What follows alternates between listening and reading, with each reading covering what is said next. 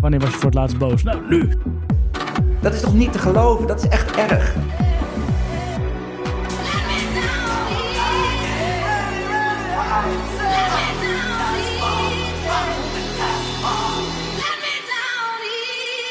Ik sta in Rabat in Marokko. Dan zie ik ze nu dan ook op Twitter dat men zegt, ja, wat duurt het toch allemaal lang? Waarom is dat vliegtuig er nou niet gisteren al gekomen? Waar was Ben Schop? Dat bootje, dat komt natuurlijk, ja, mag ik het zeggen, een beetje lullig over hoor. Het wordt een mooie dag vandaag. Oké, hey Stijn, we zijn begonnen. Ja, fantastisch. Oké, ik had een plaatje meegenomen. Normaal doet Philip dat altijd. Maar jij bent er nu. Dus moet ik de croissants meenemen. En dan moet je natuurlijk ook een plaat meenemen. Zo'n beetje Philip muziek dit eigenlijk. Is hij toch een beetje bij ons. hè? En gaan we terug naar de jaren 70? 80 misschien? Ja, jaren 80 denk ik. Nu moet jij dus vragen. Dat is altijd op de Philip altijd. En waarom draaien we deze plaat? Ja, waarom eh, heb je deze plaat meegenomen? Goed dat je het vraagt. Rutte was op stap met de PRGOV. Die ging een soort Afrika-tour doen. Hè? Die ging naar Namibië. Toen ging hij naar eh, Zuid-Amerika. Nee, ging hij naar Zuid-Afrika. Dat is een eh, stukje dichterbij. En daarna ging hij naar Marokko. En wat Rutte altijd doet, die doet altijd zo'n beetje zo'n relax filmpjes. Ik sta in Rabat in Marokko. Achter mij zien jullie de kasbah. Dat is het fort. Nou, hè, rock de kasbah. Rabat. Hè, Ik denk wel dat het een goed idee is als Rutte de volgende keer een microfoon meeneemt. Ja, even een daspeldje. Met, Met- razend verkeer op de achtergrond. Ik denk dat dit gewoon met het mobieltje is van zijn medewerker. Ja, waarschijnlijk moesten we nog drie keer opnieuw opnemen omdat iedereen aan het toeteren was daarachter. Ja, ja ik denk ook wel. Dus dat was eventjes eh, de aanleiding voor Rock the Cashbar. Zullen we beginnen? Yes. Hé, hé, nou, nou, wat dan, we hitten weer. Je luistert naar de Mike High Club. Ja, nu heeft het natuurlijk al gehoord. Philip is er niet. Eh, Philip is er weer niet. Die laat me weer eh, in de steek. Die is op eh, vakantie of zo. Maar ik heb een hele goede vervanger gevonden. Stijn de Vrede. En Stijn, je mag je eventjes voorstellen. Ja, ik ben ook een actief twitteraar, net zoals jij. Hè? Oh, echt waar? Ik Ja. zit nooit op Twitter. Nee, en eigenlijk bij mij mengt het ook heel erg veel met zowel politiek als luchtvaart. En dat zijn alle, allebei dingen die ons interesseren. Ja, zeker wel. Ehm, ook natuurlijk luchtvaart is heel veel discussie over. ja, altijd. Altijd ja. gedoe. Het is altijd wel weer leuk, want je hebt ook eh, de, ja, de echte KLM-drammers, zeg maar. heb je. En, eh, en die staan altijd tegenover de geluidsstichtingen. Ja, ehm, waar er echt iets van 60 zijn. Waarvan waarschijnlijk Echt. ook heel veel door dezelfde. Net zoals met al die meldingen over Ja, Schiphol. Dat is ook altijd een leuke discussie. Vaak heb ik er geen zin in. Ik ben ook Ik geblokkeerd al door, door. Schiphol Watch. Eh, maar af en toe dan, ik dan ook. verveel ik me weer eens. En dan zit ik op de bank en dan denk Kan ik ik... Ik gooi er even eentje in. En dan ga je, weet je gewoon weer dat het, dat het gezeik gaat worden. Ja, Het is wel een smerige oorlog eh, op de man. En eh, ja, het, Is, het is niet altijd even leuk. En uiteindelijk wordt er natuurlijk helemaal niks bereikt. Nee. Maar het blijft natuurlijk een hele interessante discussie. En eh, ja, Ja. dat probeer je toch de goede kant op te draaien. Nou heb ik gehoord, jij werkt ook in de luchtvaart. Ja, op dit moment ben ik een beetje de leukste dingen aan het doen waarvan ik vind dat ze er zijn in de luchtvaart. Ja, ik werk nu eigenlijk al twee à drie jaar als freelancer, als courier voor, van onderdelen die met hoge spoed van A naar B moeten. Ja, dan regel ik ook customs en nou, zorg ik in samenspraak met die bedrijven dat die onderdelen, maar het zijn ook wel vaak medische zendingen, dat die eh, op tijd daar aankomen. Dus jij loopt gewoon met een hart eh, door Schiphol. eh. Nou, ja, dat dan weer niet, maar wel ja, onderzoekscellen. Ja, ik heb een keer een tumor vervoerd in de Verenigde Staten. Mag dat de kop worden van deze podcast? Ik heb een tumor. Nee, vervoerd. doe maar niet. Een beetje een AD-kop is dat. Ja, nou, dat was wel waar natuurlijk. En dat combineer ik met werken Ja. voor een bedrijf wat supervisie doet voor airlines. Ja. Dus een beetje het station management van airlines. Dus ik Ja. werk voor verschillende maatschappijen. Dan ben ik bij het vliegtuig als hij binnenkomt en, en ook als hij weer weggaat. We doen allerlei taken voor. Ja. Maar ik vind het wel heel erg leuk op meerdere plekken tegelijkertijd te werken. Van ik heb af en toe, dan heb ik 's ochtends werk ik Ja. op Schiphol. Doe ik daarna mijn Schiphol pas af en dan vlieg ik naar het buitenland. Ja, precies. Nou, dat vind ik ook leuk. Dus ik ben denk ik meer op Schiphol dan thuis. Eigenlijk wel, jij woont gewoon op Schiphol. Je hebt gewoon je eigen kamertje zo in je eigen kleedkamer en zo. Maar wat ik dus gehoord heb, en ik volg jou natuurlijk op Twitter. En dan zag ik een keer een foto van jou op de Falklands. Hoe kom je daar? Want ik ben ja, dat op de was, Falklands geweest. dat was een hele spannende job. Ja. Februari moest ik daarheen. Ja, Dan krijg je er opeens een belletje van... hey eh, Stijn, kan jij toevallig een een paar dagen weg? Ja. En van, nou ja, ik heb wel dingen in mijn agenda staan. Eigenlijk kan dat niet. Dan zeg ik, Nee. ja, maar het is naar de Falklands. Oh, ja, Oké. dan gaat mijn agenda gewoon woep, alles de deur uit. En wat nog het leuke was, ik moest eerst naar Heathrow vliegen... met dus dat onderdeel. Ja. En dan werd ik opgehaald door een andere courier die daar dan toevallig was. Die heeft mij naar eh, de, de vliegbasis BZZ. Dat is dus een Ja. eh, luchtmachtbasis van RF, Brest Norton. En eh, dan vlieg je dus met zo'n tankervliegtuig, zo'n A330, eh gemodificeerde A330. En naar, met TT gewoon, heb jij ingevlogen? Ja. Ik ben jaloers. Ja, dat was echt wel heel bijzonder natuurlijk. Sowieso om in zo'n terminal te zijn. Je krijgt een boardingpas die er echt uitziet of hij met Microsoft Paint is gemaakt. ehm, met dus een beetje je Geweldig. naam erop. Ja. En eh, wat het leuke is, eh, Ja. zo'n toestel heeft dus een capaciteit voor 330 mensen ongeveer. Ja, en, 200 of zo. En er vliegen maar 100 mee. Ja. Dus bijna iedereen heeft een eigen rij. Nou ja, ik denk 80% was militair en eh, de rest was of wetenschapper of hele rijke toerist. Oké. Want je kan dus gewoon tickets kopen voor die vlucht. En Oh, die dat ko- kan ook kost, echt. Dus- Kost, kost wel voor een retour ongeveer 3000 euro. Dus je kan Ehm, als Nederlandse toerist, als je zou willen, en je, bent, Ja. en je heet niet Stijn en je bent geen koerier, dan kun je dus ook mee Dan zou je die- dus naar de Falklands kunnen. En dan zit ja. je gewoon op, die MRTT, die tanker. Ja, Geweldig. is, ze hebben dus eh, ook allerlei opgekochte oude A330. Ja, en dan was geloof ik eentje, van, van. eentje van eh, Thomas Cook of zoiets. Dus er zaten zelfs in-flight entertainment. Ik kon zelfs Johnny English kijken. Kijk, Dat heb ik ook toepasselijk. En eh, ik kreeg gewoon best wel goed eten. Het enige is, het is wel helemaal droog. Dus geen eh, biertjes of wijntjes aan boord. Het wordt heel streng, staat het overal, van, eh, dat, Geen je, niet- dat je mag drinken. Het is militair gewoon. Het is militair, Ja. ja. En als je dus landt, dan wordt het dus de ene helft van de passagiers wordt dus naar de militaire terminal gebracht en de andere naar de civiele. Ja, En daar krijg je dan een mooie stempel in je paspoort. geweldig. En wat het leuke was, de customs officer die wist al van mijn komst. Die Zei van, zei, you, "Hi, you, mu- Stijn." you must be Stijn. Echt waar? Ja, om die douane dingen in te klaren. gewoon VIP treatment eigenlijk gewoon. Ja, maar het stomme was, eigenlijk moest ik al heel snel weer weg. En toen heb ik wel mijn werkgever gevraagd, hey, mag ik alsjeblieft... Hebben ze me toch een vlucht later kunnen zetten? Zodat ik daar nog... Ik heb er vier dagen of vijf dagen of zoiets geweest. Ja, Ja, dat is heel bijzonder. Ik ben bij de Pinguïnkolonie geweest. schapen. Ja, de bijzonderste reis die ik wel heb gemaakt, denk ik.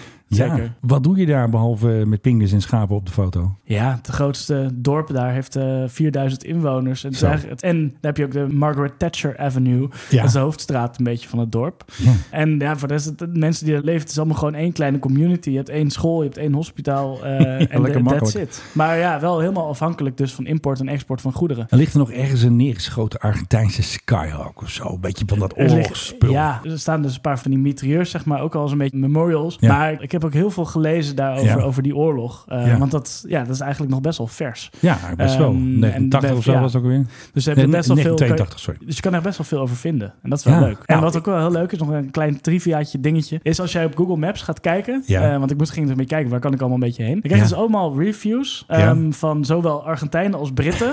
Wat Britten allemaal zeggen van eh, is British en Argentijnen uh, Malvinas. Malvina's. Ja, en eh, tuurlijk, allemaal, allebei vijf sterren voor een, een of andere plek van een memorial waar dus allebei Ja. veel troepen zijn overleden. Ja, precies. Ja, dat is gewoon heel erg grappig. Het is een van de raarste plekken ook waar je maar kunt zijn. Ja. Natuur is heel erg mooi, maar ook heel erg gek. Maar aan de andere kant, er is ook niet zo heel veel te doen. Dus na die vier dagen was ik ook wel weer klaar mee. En hebben ze daar nu ook een Stijn Avenue gemaakt eh, voor jou? Nee, nee, ik heb daar niks Met verder vijf sterren gedaan. natuurlijk. eh, Ik allemaal heb, eh, Argentijnen. ik heb gezorgd dat een eh, schip weer verder kon, wat dus in de problemen zat. En daarom hadden ze het onderdeel nodig. Ja, dus jij bent toch een Ehm, beetje lifesaver dan. eh. Ja, maar ja, je hebt alleen maar, dat tekenen ze af. En dan is het, uh, joe, veel plezier, doei.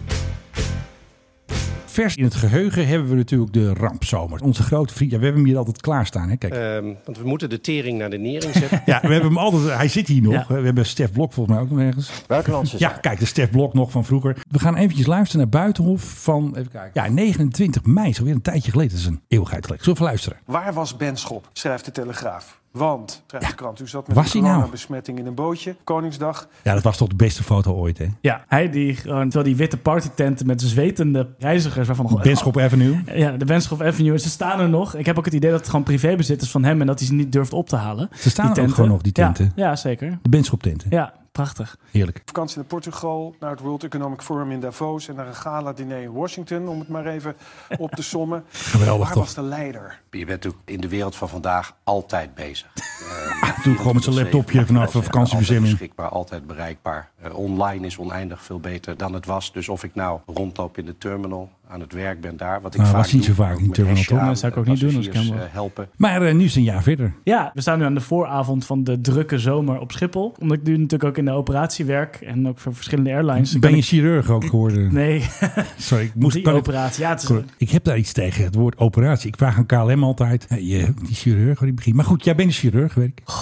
Slecht van mij. Oké, heel slecht. Maar, maar, nee, maar de opera- operatie, ja, hoe moet je het anders noemen? De werkvloer? Ja, Of eh, tussen de mensen, tussen de, vlieg, Zoals, eh, zoals tussen Benschop, de eh, vliegtuigen, ja. in de terminal. Ja, nee, dat is omdat ik nu best wel goed kan zien zeg maar, wat er allemaal in de, Ja. in de, in de praktijk gebeurt. En zowel als passagier als bij de airlines. Ja. Daar kan je dus wel zien waar de bottlenecks deze zomer gaan liggen. En eigenlijk zie je dat er bijna nooit meer echt lange rijen staan bij securities. Ze hebben er echt wel van geleerd. De lonen van beveiligers zijn ook best wel goed gestegen. Ik weet nu ook als jij zaterdagnacht op zondagnacht zou werken als beveiliger, weet je wat Ja. je verdient per uur? Even kijken hoor. Ehm 50 euro. Nee, nou wel volgens mij ongeveer 35. Oh, dat is best aardig maar toch? dat is voor het soort werk, zeg maar, is dat helemaal niet slecht. Dus eigenlijk heb ik het idee dat bij de beveiliging komende zomer helemaal niet meer fout zal gaan. Ehm, ze hebben echt wel genoeg mee. En af en toe moet je in de rij staan, maar dat is normaal. Maar niet 3,5 uur, zeg maar, zoals vorig jaar. Jij verwacht dus geen problemen bij de beveiliging. Je tassen checken, dat soort werk. Nee, ik denk dat daar heeft Schiphol echt wel van geleerd. Ja. De salarissen zijn hoog gaan liggen. Ze hebben hele actieve wervingscampagnes gehad. Ja. Maar er zijn nog wel wat andere bottlenecks. Ja. En eentje daarvan is dus de marechaussee. Oké. Ehm, dat zie je nu al. Ik weet niet of je wel eens foto's op Twitter voorbij ziet komen van de rijen die de, Ja. hele arrivals hal. Maar ja, ik heb liever dat ze daar staan te wachten dan dat ze bij de departure staan. Want dan heb je gewoon allemaal passagiers die niet naar hun vlucht komen. Ja. En, die, en plus nog de ruimte. Ik heb je wel eens gezien de ruimte na de security naar de marechaussee? Die is heel erg klein, hè? Daar kun je helemaal geen mensen opproppen. En eh, bij de arrivals kan je dat natuurlijk wel.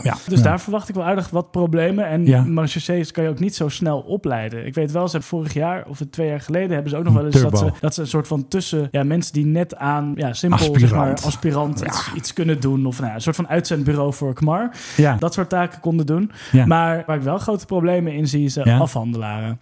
Ehm, dat zie je nu al wel een beetje. Gigantisch. Even, even gewoon heel praktisch. Gewoon koffers speel je eigenlijk. Ja, koffers, maar ook degene die aan de gate staan. Dus meestal hetzelfde bedrijf wat zowel bij de gate, of noemen ze dan passage, staan als de koffers laden. De Figo's en dat soort types. Precies, Figo's, Avia Partners, Swissport. Daar zie ik echt wel hele grote problemen. Die salarissen zijn eigenlijk best wel laag. Ja. Ehm, en als jij voor 5 euro per uur meer eerder bij de Albert Heijn gaat werken, zelfs al heb je een luchtvaarthart, Ja. dan gaan toch veel mensen toch maar bij de Albert Heijn werken. Ja. En dat is toch wel zonde eigenlijk. Lastig. Ja, en er zijn eigenlijk gewoon veel te veel afhandelaren op Schiphol. Want elke keer weer het is vechten om contracten van de een dan weer naar de ander. En dan heeft de ander weer personeelstekorten, terwijl ze wel weer een nieuw contract binnen hebben gehaald. Ja, dat is altijd een beetje het spelletje wat je hebt. Dus uiteindelijk moet je er ook heen dat je gewoon minder afhandelaren hebt, zodat je gewoon je personeel beter kunt allokeren. Want er zijn er zes of zo nu. Hè? Zeven. Oh, zeven. Is de nieuwste, maar die is eigenlijk alleen maar gekomen omdat KLM niet zoveel zin meer had in Transavia afhandelen. Maar eigenlijk is dat best raar. Dat KLM en Transavia, dat zijn net twee kinderen die niet met elkaar willen spelen of zo. Nee, Terwijl nee. ze wel van dezelfde moeder, even een hele slechte vergelijking, maar... Ik vind het wel een goede vergelijking. Ja. Inderdaad, de ene is alleen maar aan het blowen en de andere die Ja. doet eh, technasium eh, Ja. en heeft al twee klassen overgeslagen. Is wel zo. Zo, is het- zo wordt het ook een beetje gezien. Alleen, ja, ik vind eh, als je met Transavia vliegt, dan moet je gewoon lekker een Transavia mindset hebben. Ja. Van, dan moet je maar gewoon lekker. We zitten met elkaar allemaal in hetzelfde kistje. We geven de telegraaf zit- door. ja, ja, ik ja. koop een frikandelbroodje Echt voor waar. 3,50 euro. Ze zijn duur toch? Wanneer heb jij voor het laatst Transavia gevlogen? Tien jaar geleden? Nee, zijn nee, een tientje nee, toch? Anderhalf jaar geleden of zoiets. Maar 3,50? en toen had ik wijn besteld. En die hebben ze toen niet aangeslagen. Maar volgens mij vonden ze me ook wel aardig. Vond ik lief. Dat heb jij gewoon, hè? Jij hebt gewoon een soort Soms. eh, de Stijn-factor. Je hebt gewoon een gunfactor, denk ik. Ja, maar Amerikaanse airlines heb ik altijd ruzie mee. Dus eh, Dan krijg je geen upgrade. nee, ja, bijna, bijna nooit. Maar bij KLM ook bijna Kun je nooit. je naam niet uitspreken. Hoe spreekt een Amerikaan jouw naam? Ben je dan Steen? Steen. Ja, Ja. Steen, ja. En als ik zeggen. iets Spaans heb, mijn tweede naam is eh, Johan, zonder Ja. H. Dan zeg ik ook altijd met de noemer gewoon mijn tweede naam. Juan. Dat is veel makkelijker. Ja, hey, eh, gewoon, Ja. eh, jij krijgt Ja. een upgrade. Dat is wel makkelijk. Ja, in Amerika snappen ze Menno dus niet. Want een minnow is een vis. Dus ik ben vaak Mike in Amerika. Niet te moeilijk doen. Moet ik weer gaan uitleggen. Ja, het is een very rare name in Holland. You know, the Mennonites. Dan kom je weer met een heel verhaal uit. Niks ervan. Ik ben gewoon Mike. Wegwezen.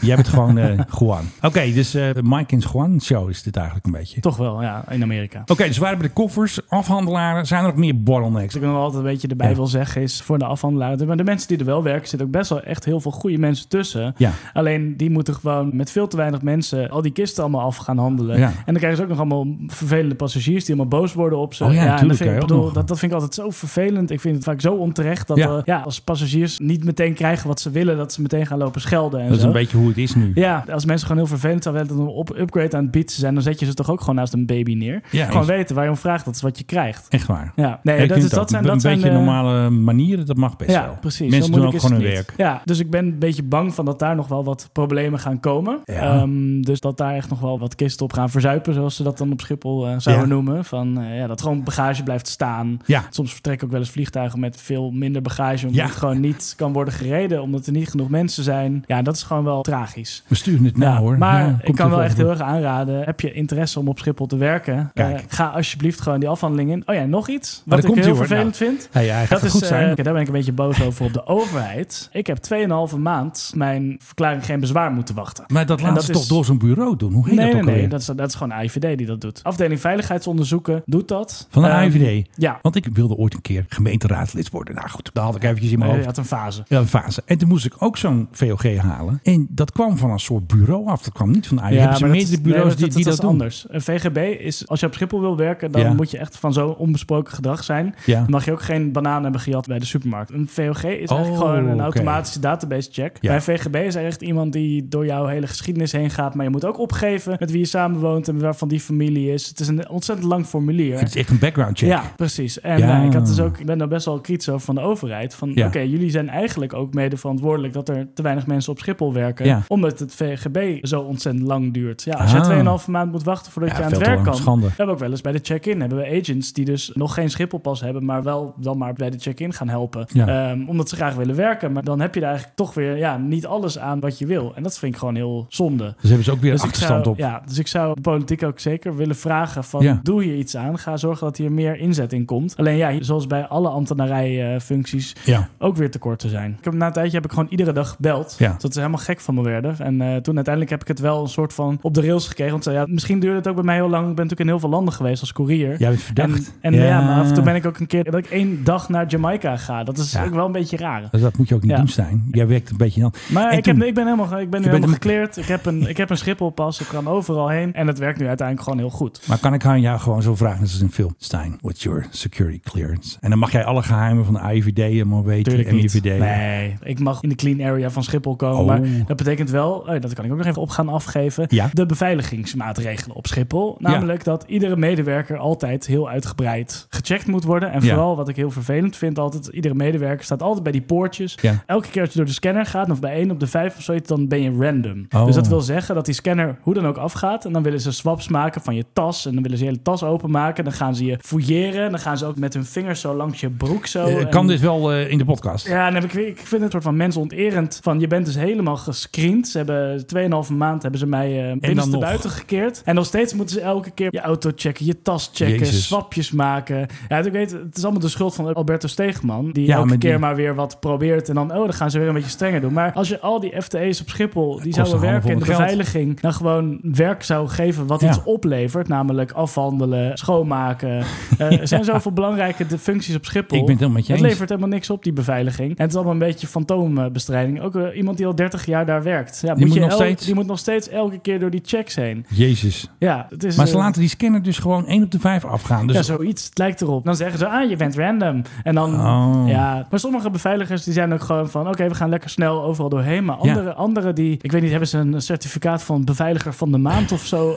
die, ja, het is een beetje zo'n handha Oh, zo'n handhaverscomplex. ja, Ehm, een soort boa-complex eigenlijk. Ja, precies. Dus de boa, daar ben je gewoon slachtoffer van. Ik hoor het al. Ja, nou, vooral alle mensen die hard willen werken op Schiphol, die worden gewoon heel erg daardoor tegengehouden. Ook bij de vrachtplatformen Ja. moet je elke keer jouw vrachthoevers niet te checken, want daar is de afhandelaar verantwoordelijk voor. Ja, maar jij maar, wel. maar jouw trekker moet wel altijd. Dan gaan ze onder je zonneschermen kijken. Oh en, mijn oh god. ja, je had je lunchbox hier nog liggen. Die moet ook door de scanner heen. My god, wat Ja. een gedoe. Ja. Hey Ruud Zondag, als je luistert, eh, luister even naar het boosmakertje van Stijn. Ja. Die moet het even fixen. De Orange Pride. Want dat vinden wij een leuk vliegtuig. En die ging gisteren weer voor het eerst vliegen. Want jij hebt hem gisteren gewoon weer in het echt gezien. De PHBVA. Ja, en volgens mij het is de oudste 777 hè, van KLM. Ja, volgens mij ook. Ja, en eh, dat is nu het eerste vliegtuig waar ze de nieuwe business class in hebben gebouwd. Ja. Want alle rijke luis, consultancy typetjes, die waren aan het klagen over die oude business class. Ja. Want namelijk, je moest toch over iemand heen stappen om naar eh, het toilet te gaan. Voor al dat geld, dat kan natuurlijk niet. Nee, nee, de schermen waren een beetje klein. En, eh, Ja, nou, het is, is, bedoel, als jij een beetje moet bijbenen met golf carriers, dan Ja. eh, moet je natuurlijk ook zo'n business class hebben waar je een luikje dicht kan doen. Om, eh, Ja. Ik wil niet weten wat je daar allemaal achter doet. eh, Dat willen we ook niet te weten. Dat Nee, maar die is, die is dus klaar uit de revisie. Die heeft heel lang op eh, Schiphol-Oost gestaan. Ja, en, nou, twee denk- maanden, geloof ik. En die stond dus ook op, ik geloof, op Fox tot 2 of zo. Ja. In ieder geval een, een gate. Ja. ja, daar zag ik hem gewoon. Maar ik heb dus nog een primeur over de Orange Pride. Maar jij had ook een leuke primeur, want er is dus ook een karretje. Nee, een bagagetrekker. Een bagagetrekker. Die is ook dus half oranje. En toen dacht ik meteen, nou, dit is een grapje. Orange luggage. Ja, ik zag hem al vaker rijden. Dacht ik, ik moet toch even Ja. fotootje maken en hem op Twitter zetten. Precies. Maar het ziet er echt leuk uit in zo'n toestel met een iets andere kleurstelling. Precies. Hij werd natuurlijk ooit een keer zo gespoten. Was dat een keer om sporters op te halen, volgens mij. Voor de Ja, Olympische was het, Spelen. eh, was het niet Olympische Spelen Tokio? Ja, ja, dacht ik. Ja. Ja, hij is dus oranje en de achterkant is gewoon blauw. En dan heb je dus een soort verloop tussen het oranje en het blauw. Dan zit er een soort van ja, Nederlandse vlag zit er eigenlijk omheen als een soort rand. Maar wat ik eens gehoord heb, ze gaan hem bijschilderen. Ze gaan hem even bijpunten. Wat ze gaan doen, ze gaan dus het verloop aanpassen. Het kleurverloop wordt wat duidelijker, zeg maar, hè, tussen het oranje en blauw. En tussen de scheiding, tussen het oranje en het blauw, komt ook die Nederlandse vlag als scheiding. Oké. Dus die band gaan ze dus aanpassen later dit jaar, heb ik dus gehoord. Dus dit is eventjes eh belangrijkste nieuws uit deze podcast. Ik ben heel benieuwd hoe dat eruit gaat zien met zo'n gradient. Het wordt niet een eh, radical eh, verandering van, hé, hey, wordt opeens rood of zo. Of, Nee, want anders, anders weet zeker, anders kost, dat, kost, dat, kost dat rintel de kop. Dat is, ja, precies. Die Red kan Pride. je niet kan Yellow Pride wordt ook niet Green Pride. Hij blijft gewoon de Orange Pride. Dus ze gaan dus dat verloop een beetje aanpassen. De band tussen oranje en blauw wordt dus de Hollandse driekleur. Ja, dat hoor je alleen maar hier in de Baankaarclub met eh Juan en eh, Mike.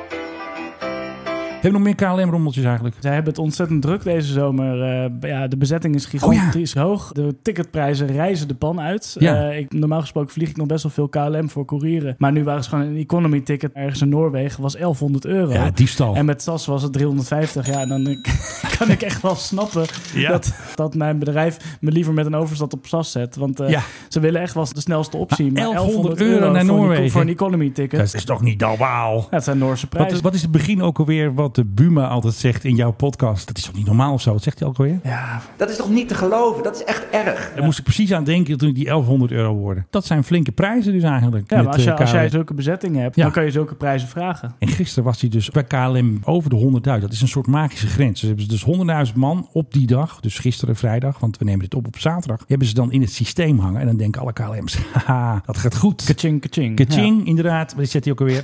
En ehm, de zomer is nog niet eens echt begonnen. Dus het is goed voor KLM natuurlijk als ze meer tickets verkopen. Maar ja, 1100 jongens naar Noorwegen. Waar hebben we het over? Heftig hebben Etihad. Ja, wat ik heel grappig vind is, eh, ik heb in de vracht gewerkt, ik heb met de afhandeling gewerkt. Ja. En nu werk ik ook wat meer aan de passagezijde, zeg maar, dus Ja, met de ja. passagiers. Ja. Maar wat wij dus wel eens doen, is als eh, passagiers veel te laat zijn, wij kunnen in het systeem kijken en dan kunnen wij vaak een telefoonnummer eruit halen en Ja, dan kunnen wij die bellen. Ja. En bijna altijd is die passagier eigenlijk, of het is de tijd vergeten, of de verkeerde gate, nou, gatewijzigingen. ja, precies. maar meestal zijn de passagiers heel erg blij dat je belt. Even een broodje te eten van tientje Ja, zo. maar ondertussen zitten we namelijk meestal de koffers al van boord te halen. Want als de passagiers zonder koffer reizen, dan Ja. kan je sowieso gewoon gaan. Maar je wil die passagier ook niet daarna huilend aan je balie hebben omdat ze hun vlucht hebben gemist. Gedoe. Maar eh, nu was er dus een eh, Britse eh, mevrouw, nou, behoorlijk onder de make-up. Ehm, die had... Hoe heet ze? Holly? Nee. Hannah. Hannah. Hannah. Hannah. Maar die had dus een tweet gedeeld met de A guy who works for the Etihad airline used my personal data which he found via the airline database after seeing my passport and text me. Ah. Terrifying experience traveling alone. Dan heeft hij een appje gedeeld. Hey, I've seen you from Abu Dhabi. En dan zegt hij, how did you get my number? En dan zegt hij, I search you in the system. What system? I am working. Airline, sorry for trouble. If I'm disturbing you, just block me. For Ja. your info, your flight is boarding. Ja, fantastisch. Ja, echt. Ja, dat kan natuurlijk Ja, niet. dus ik In bedoel, deze meestal, tijd. meestal, maar meestal als ik dit doe, dan gebruik ik een werktelefoon. Maar af en toe heb ik die even niet bij de hand. En dan gebruik ik mijn eigen telefoon om een passagier te bellen. Ja, precies. En soms bel ik gewoon drie keer naar elkaar. En dan krijg je dan uiteindelijk degene te pakken. En dan zeg je, nou oké, je hebt nog drie minuten. Want anders gaan we het gewoon echt niet halen. En Nee, dan- precies. We hebben dus een keer een passagier gehad. Die is helemaal van de ene kant van Schiphol naar de andere een gerend. Heeft het sprintje net aangehaald. kreeg, ik applaus van de gate agents. Nou, van ons ook hoor. Nee, maar dan heb je echt het idee dat je mensen een beetje aan het helpen bent. Wacht even, Ehm, we hebben hier een heleboel geluidjes hier in dit soundboard. Jongens, applaus voor Stijn. Hij heeft gewoon gefixt, hè? Oké. Nee, maar dit is natuurlijk niet de manier hoe je Hij- een hij nummer, begon nummer, heel, heel een nummer raar. gebruikt. Ja, en daarna van, oh sorry, ik heb het toch fout. Etihad heeft bevestigd dat hij ontslagen is. Maar het is altijd een beetje het gekke, ook met als het Ja. gaat om passagiersdata. Ja. Van, Ja, van, oppassen, Je moet, hè? moet er heel mee oppassen. Het zijn allemaal Ja. persoonsgegevens. Ook als iemand op reis gaat, is het natuurlijk Ja. ook voor inbrekers interessant. Ook diegene gaat met het hele gezin weg. Nou, Ja, hoppa, huis leegtrekken. Ja, en weet je nog dat die, eh, ja, waarschijnlijk is hij weer de vriend van Linda de Mol, die Jeroen Rietbergen, die eh, moest toen naar een kliniek. En toen had iemand dus zijn informatie, zijn itinerary gefotografeerd en op zo'n Juice-kanaal gezet. Ja. Er stond gewoon J. Rietbergen, binnenlands vlucht binnen Amerika. Denk je van, ja, dat kan iedereen doen. Maar je verdient het dan gewoon echt om op staande voet ontslagen te Ja. worden. Want het zijn gewoon allemaal gevoelige gegevens. Ja, want ik weet Ehm, nog van vroeger, ik heb bij Shownieuws gewerkt. En dan ging eh, Wendy van Dijk stond dan bij de, nou, KLM-balie. En dan werd door mensen, fotografen ingezijnd. Hé jongens, eh, Wendy staat hier, kom eens eventjes eh, met die fotocamera. En eventjes Ja. klik, klik, klik. Want ja, zo gaat het toch. Ja, en bij KLM zie ik bij de Sky Priority ook wel eens bekende DJ's staan. ja, en dan ga jij niet mij bellen of... eh, nou ja. Nee, nee, ja, maar dan denk ik van ja, die gaan, natuurlijk gaan die met het vliegtuig. Ja, Ehm, je gaat niet met de fiets. Nee, tuurlijk. Ja, het is niet per se raar of zoiets. Nee. Maar, eh, maar dat je, Nee, maar dat je dit gaat oppassen. gebruiken, ja, pas ermee op. Ja, want anders dan gaat Hannah, die eh, haalt je gewoon door de Ja, gehaktmolen. nee, maar de social media. Ja, en Ja. de appjes worden gedeeld en je bent meteen klaar in. Abu Dhabi.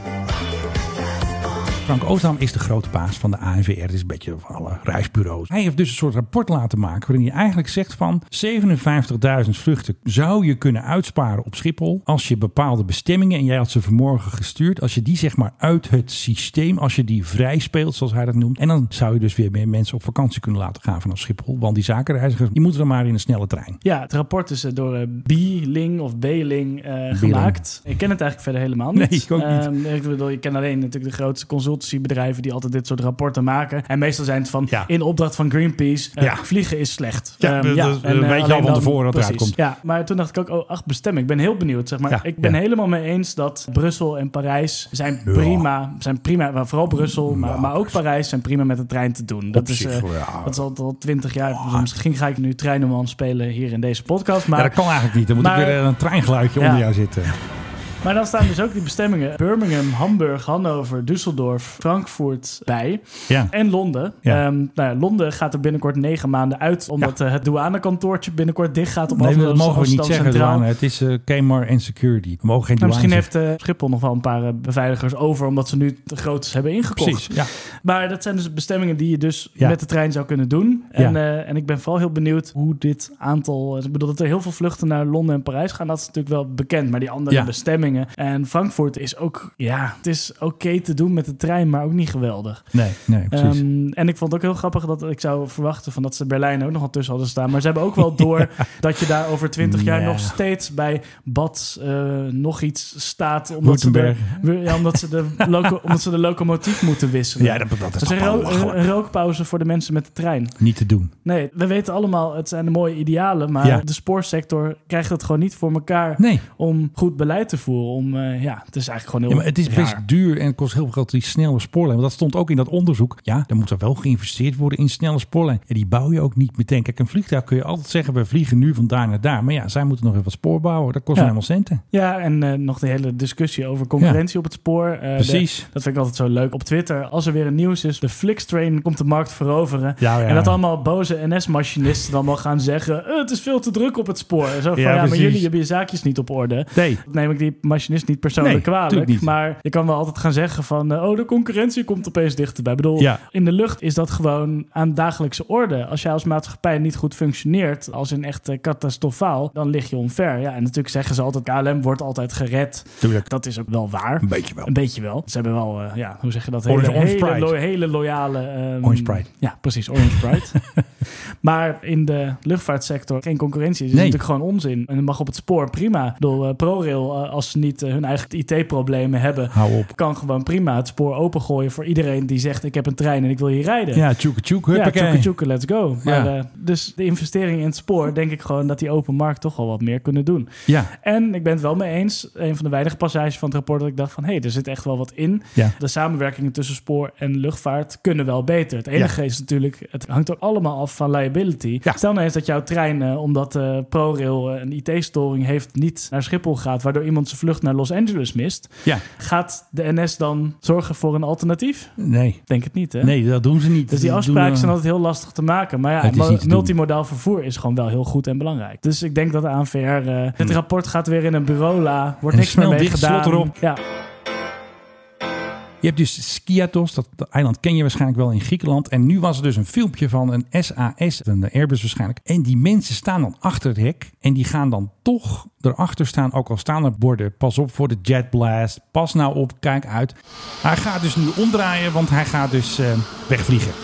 En die mensen staan allemaal te kijken. Het zijn natuurlijk allemaal eh, luchtvaartvrienden. Ja, allemaal met hun eh, telefoon in hun hand. Telefoon in filmen. hand, filmpjes maken.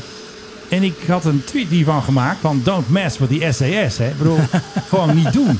Die mensen denken van nou, dat, eh, hè, dat kan ik. Ja, Ik blijf gewoon je ziet staan. nog net niet eh, de piloot denken Nee. van... eh, dit gaat leuk worden. Jammer dat we geen achteruitkijkspiegel hebben. Even extra gas geven inderdaad. Ja. Iedereen gaat klaarstaan. Komen er nog mensen aangelopen. Oh, de SAS-show begint. Ja, blikjes bier worden Ja. opgetrokken. Gezellig erbij. En iedereen staat ook bijna tegen het hek aan. Hè. Je kan niet dichterbij, want dan zou je op de baan staan. Dat mag natuurlijk niet. Nou, dan gaan we ietsje harder zitten. Dan hoor je ons ook niet meer. Ja, kijk, er komt er iemand langs rijden van... Hey, kijk uit, hè. Wat, eh, pas op. Nou, daar gaat hij hoor. Woehoehoe. Ja, dat begint al mis, ja. Nou, daar gaat hij hoor. Nou, windkracht 14 denk ik. Wat denk jij? Orkaan? Ja, wel zoiets. Worden bijna mensen het water ingeblazen. En het is natuurlijk hartstikke gevaarlijk. Ja, een be- een beetje gevaarlijk. Ik bedoel, je weet gewoon dat dit gaat gebeuren. Misschien val je om. Ja. En je gaat echt niet van je reisverzekering te horen krijgen Nee. van... eh, we vergoeden dit volledig, want het is je overkomen. Het is een heftige tijd. Er lagen dus twee vergatten in de haven van Antwerpen. En er stond er dus zo'n NH-90 helikopter van de Koninklijke Luchtmacht stond daar. En die ging de koning dus even inzitten. Er stond nog eventjes een luchtvaarttintje aan het staatsbezoek. Even een selfie maken. Ja, want het regende en de deur snel dicht. En de koning zei... De titel van deze podcast is Dank jullie wel, ik word nat. We gaan nog een keer luisteren. Nou, zo Hij vraagt feitelijk. zich af waar, waar de paraplu drager Die lakai was eventjes Ja. eh, verhitten, denk ik. Kom, kijk, daar zit hij. Ah, hij weet precies hoe dat werkt. Hij stijgt zo op, denk ik. Ik heb altijd moeite mee met het idee dat hij co-piloot is bij KLM. Van hoe, Waarom heb daar moeite dat mee? dan? Nou, Ik kan het niet voor me zien dat hij zonder een glas bier in zijn hand, zeg maar, Nee, daar, dat doet daar, hij natuurlijk niet. stoel Ja, maar ze mogen ook dan... Ik heb, we hebben hier wel eens een stewardess te gast gehad. En die zei dan... Het is raar voor ons om hem geen majesteit te noemen. Als hij dus, zeg maar, Ja. co-piloot is. En ik heb laatst ook weer gehoord... Dat mag je niet meer zeggen, co-piloot. Je moet altijd zeggen first officer. Nou, Ja. oké. Want dan heet hij dus blijkbaar Alex Kingsma. En dan moet je hem dus Alex noemen. Vooral die stewardess moeten dan echt schakelen. Want die zien hem natuurlijk ook wel eens in de business class. Met een eh, lekkere glaasje. En dan Ja, moet je toch wel majesteit zeggen natuurlijk. Ja. Dus ja, ik denk dat hij gewoon een knop omzet. Ik ben even geen koning meer. Ik ben nu gewoon koning-piloot. Kopie. Ja, en de enige reden dat hij natuurlijk nog af en toe vliegt is eh, om zijn uren te Tuurlijk. houden. Per Ook- minimum. Hij moet ook af en toe eh, op eh, de simulator, heb ik gehoord. Hij doet vaak vluchtjes dat je in één dag heen en weer. Hij Ja. blijft nooit slapen, dus hij heeft altijd korte vlucht Parijs of zo. Of even een Stockholm. Nee, of en ze en zetten hem ook altijd natuurlijk bij een gate neer waar hij niet heel erg, eh ja, want ja hij heeft dicht. Want hij heeft die pet ook niet meer op. Hè? Dus ze Nee. zien hem nu. Hey, hey, Ja, Alexander. wat ik nog steeds een stomme beslissing vind, hoor. Dat vliegers eh, of piloten... Of, dat vliegen mag je discussie- niet. nee, pas op. Want eh, André Hazes hebben we hier altijd... eh, ja, ja. ja, die Ik hebben hier het een stomme altijd... eh, beslissing. Dat ze, maar het, het mag ook niet. Hè? Ze mogen ook niet gewoon Nee, het is kiezen. verboden. Als je de piloten ziet lopen met petten, dan weet je, oh, dat zijn Amerikanen. Als eh, Doron hier zit, hè, die zat hier Ja. vorige week, die zegt altijd dat ik te veel defensie doe. Want hij vindt ook alleen maar leuk KLM en de Orange Pride en zo. Jij weet waarschijnlijk ook wel. Nederland krijgt nieuwe transporttoestellen eindelijk. Ja, pas Ja. over drie jaar. Dat is de C390 van Embraer uit Brazilië. Ze hebben dus het contract met Embraer nog steeds niet getekend. Dus al een jaar weten we al, we krijgen de C390. Maar de pen van het contract, die is kwijt. Ehm, ja, ze zijn nog eigenlijk eh, in de onderhandeling met Embraer over alle specificatie. Want wat wel zo is, je kan hem een beetje tailor-made maken. Er is ook een versie die kan helikopters bijtanken. Dus je kan zeggen, je moet onderhandelen over de prijs en over de opties. En wat Ja, dat is zo. wel een beetje van, je hebt een comfortpakket Ah, en uh, dit is dus hem. Ja. Dit is dus zeg maar de baas van Commit. Commit is commando, materieel en IT. Dit is Arjan de Waarde. Hij is admiraal. Ik noem hem al de koning van de snoepreisjes. Hij is eh, heel vaak in Singapore en zo. Laatst was hij weer in Korea. Heeft hij dus een filmpje opgenomen. Beste kijkers, vandaag weer een vlog met een prachtig schaalmodel van de C390M. Oh, die wil jij. het Nee, dit is Nederland. Ze gaan een Ja. filmpje maken dat je een schaalmodel krijgt. ja, en ook zo'n filmpje met zo'n royalty-free eh, bedrijfsvideo eh, achtergrond. En- en dan eh, noemen ze een vlog. fluitmuziekje. Je noemt het een vlog. Er is natuurlijk vijf man mee bezig geweest de hele Ja. dag. De commandant. Maar zijn er mensen die het kijken, behalve jij? Nou, ze cateren dus ook inderdaad mensen die er werken. Maar gewoon de vervelende burgers zoals ik, die kunnen het dan ook lezen natuurlijk. Want ik krijg het ook in mijn mailbox natuurlijk, die ellende elke week. Ja, maar je weet ook gewoon, het zijn toch allemaal dingen die niet classified zijn en zo. Nou, ik heb dus een keer gelezen dat ze dus een keer een landing hebben uitgevoerd in Syrië met een Hercules om eh, die gevangenen van Dylan en van Wopke op te halen. Dus er zit wel eens wat nieuws in. Wat Ja. niet, dat haalt de eindredactie er dan niet uit. Nou goed, Ariane moet nog even doorpraten. Het is zo'n leuk filmpje. Dan ook op Twitter dat men zegt, ja, wat duurt het toch allemaal lang? En waarom is dat vliegtuig nou niet gisteren al gekomen? Nou, Ja, schiet een beetje op, man. Ik vind dat ze gewoon wat extra schroevendraaiers moeten sturen naar eh, Brazilië. En dan moeten ze gewoon de Nederlandse CD90, die moet gewoon gisteren al klaar zijn. Dan noemen we de een de Juan en de ander noemen we dan de Mike. En dan zijn dat de eerste twee namen voor de nieuwe CD90. Vind jij goed, hè? Ja. dan hebben we nog de contractonderhandelingen te doen, financiële afhechting. De financiële afhechting, zo praat jij ook, hè? het Rare term. En als dat allemaal gepasseerd is, dan gaat daadwerkelijk de productie van dit vliegtuig beginnen. Ja. 2020, de eerste kist. Nou, ik ga nu een wetje leggen. 2026 staat dat ding niet op Nee, Eindhoven. zeker niet. Ik denk na Nederland, 2028 en dan zelfs nog niet. aan een versterking van de operationele gevechtskracht. Goed, ik vind die muziek wel leuk eigenlijk zo. En daar Verschrikkelijk. hebben we natuurlijk veel meer voorbeelden van. Nou, hartstikke leuk. Dat was even militair. Dan knip ik wel een beetje en dan eh, wordt het heel kort voor de ronde. Ja, joh, hartstikke leuk. Waar is de PHBVA? Doen we eventjes. En dan is het nu de hoogste tijd voor... Hé, hey, waar is de PHBVA? PHB? Net verkeerd. En Stijn, waar is de Orange Pride. De locatie Haarlemmermeer, namelijk eh, Ja. op Schiphol. Ik eh, probeer even te kijken welke gate dit is. Je net op Twitter voorbij komen. Uh, wie bij, geheime eh, info we hier? Nou, geheime info. eh flight attendant eh Koosje heeft het net gedeeld. Oh ja, het is ook eh, Koosje, ja, die, ja. die is een groot fan van de Orange Pride. Ja, maar die heeft eh, foto's gedeeld dat hij daar in het zonnetje staat, ergens aan een gate op Schiphol, Goed, eh, te wachten voor de volgende vlucht. Ja. Dat gaat zo te zien worden naar Shanghai. Kijk. En volgens mij wordt hij daar ook eh, veel op ingezet. Azië. Ehm, ja, dat vind ik wel, wel weer zonde, want eh, nou, China, daar kom ik eigenlijk vrijwel nooit. Ook Nee, mag je nooit visum. spullen naar China brengen? Nou, want dat is een beetje het stomme van eh, als je daar langere tijd wil zijn dan een bepaald aantal uren, wat meestal dus voor mij niet echt opgaat, dan eh, Moet je een visum moet je hebben een en visum hebben en Ah, moet je helemaal langs zo'n kantoortje met 20 documenten. Ik heb het al een keer moeten doen. Dat is gedoe. Ehm, dat is heel veel gedoe. En over het algemeen met customs en zo, het is ook gewoon geen feestje daar natuurlijk. En nog steeds zitten ze daar nog een beetje in COVID-tijden te herleven. Dus eh, jammer dat hij naar Shanghai gaat eh, en niet gewoon naar, New York. Heb jij wel eens met hem gevlogen met de, de Orange Pride? Nee, dat moet eigenlijk wel gebeuren. Ja, maar dat- sowieso KLM heeft gewoon heel erg veel verschillende kisten waar je mee eh, kan gaan als je de oceaan over moet. Ja. Nee, maar ik ben vooral altijd heel fan van gewoon lekkere vluchten met lage bezetting. Is niet leuk voor KLM, Ja, hele- maar als hele rij voor jou. passagier, hele rij voor jezelf. Ietsje meer broodjes en wijntjes voor jezelf. Ja, Ja, en meer Love sushi it. voor Stijn. Jazeker. Oké, zullen we er een einde aan maken dan? Nou, niet letterlijk, maar van deze podcast.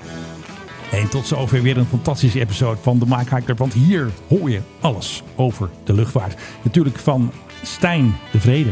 Dankjewel Stijn dat je even wilde invallen. Ja, Leuk. zeker hartstikke leuk om hier, eh, hier even te zijn. Ja, We hebben meer spullen nodig denk ik hier hè? Ja, ik denk meer microfoons, meer modelvliegtuigen, Echt, eh, meer. KLM-huisjes. Oh ja, je mag straks nog eventjes iets uitzoeken. Ik heb nog een spel kaarten voor je in de Mike High Club eh, geschenkenwinkel. Oh de grabbelton. Volgende week hopelijk is Philip Dreugen er weer. Dus tot de volgende week.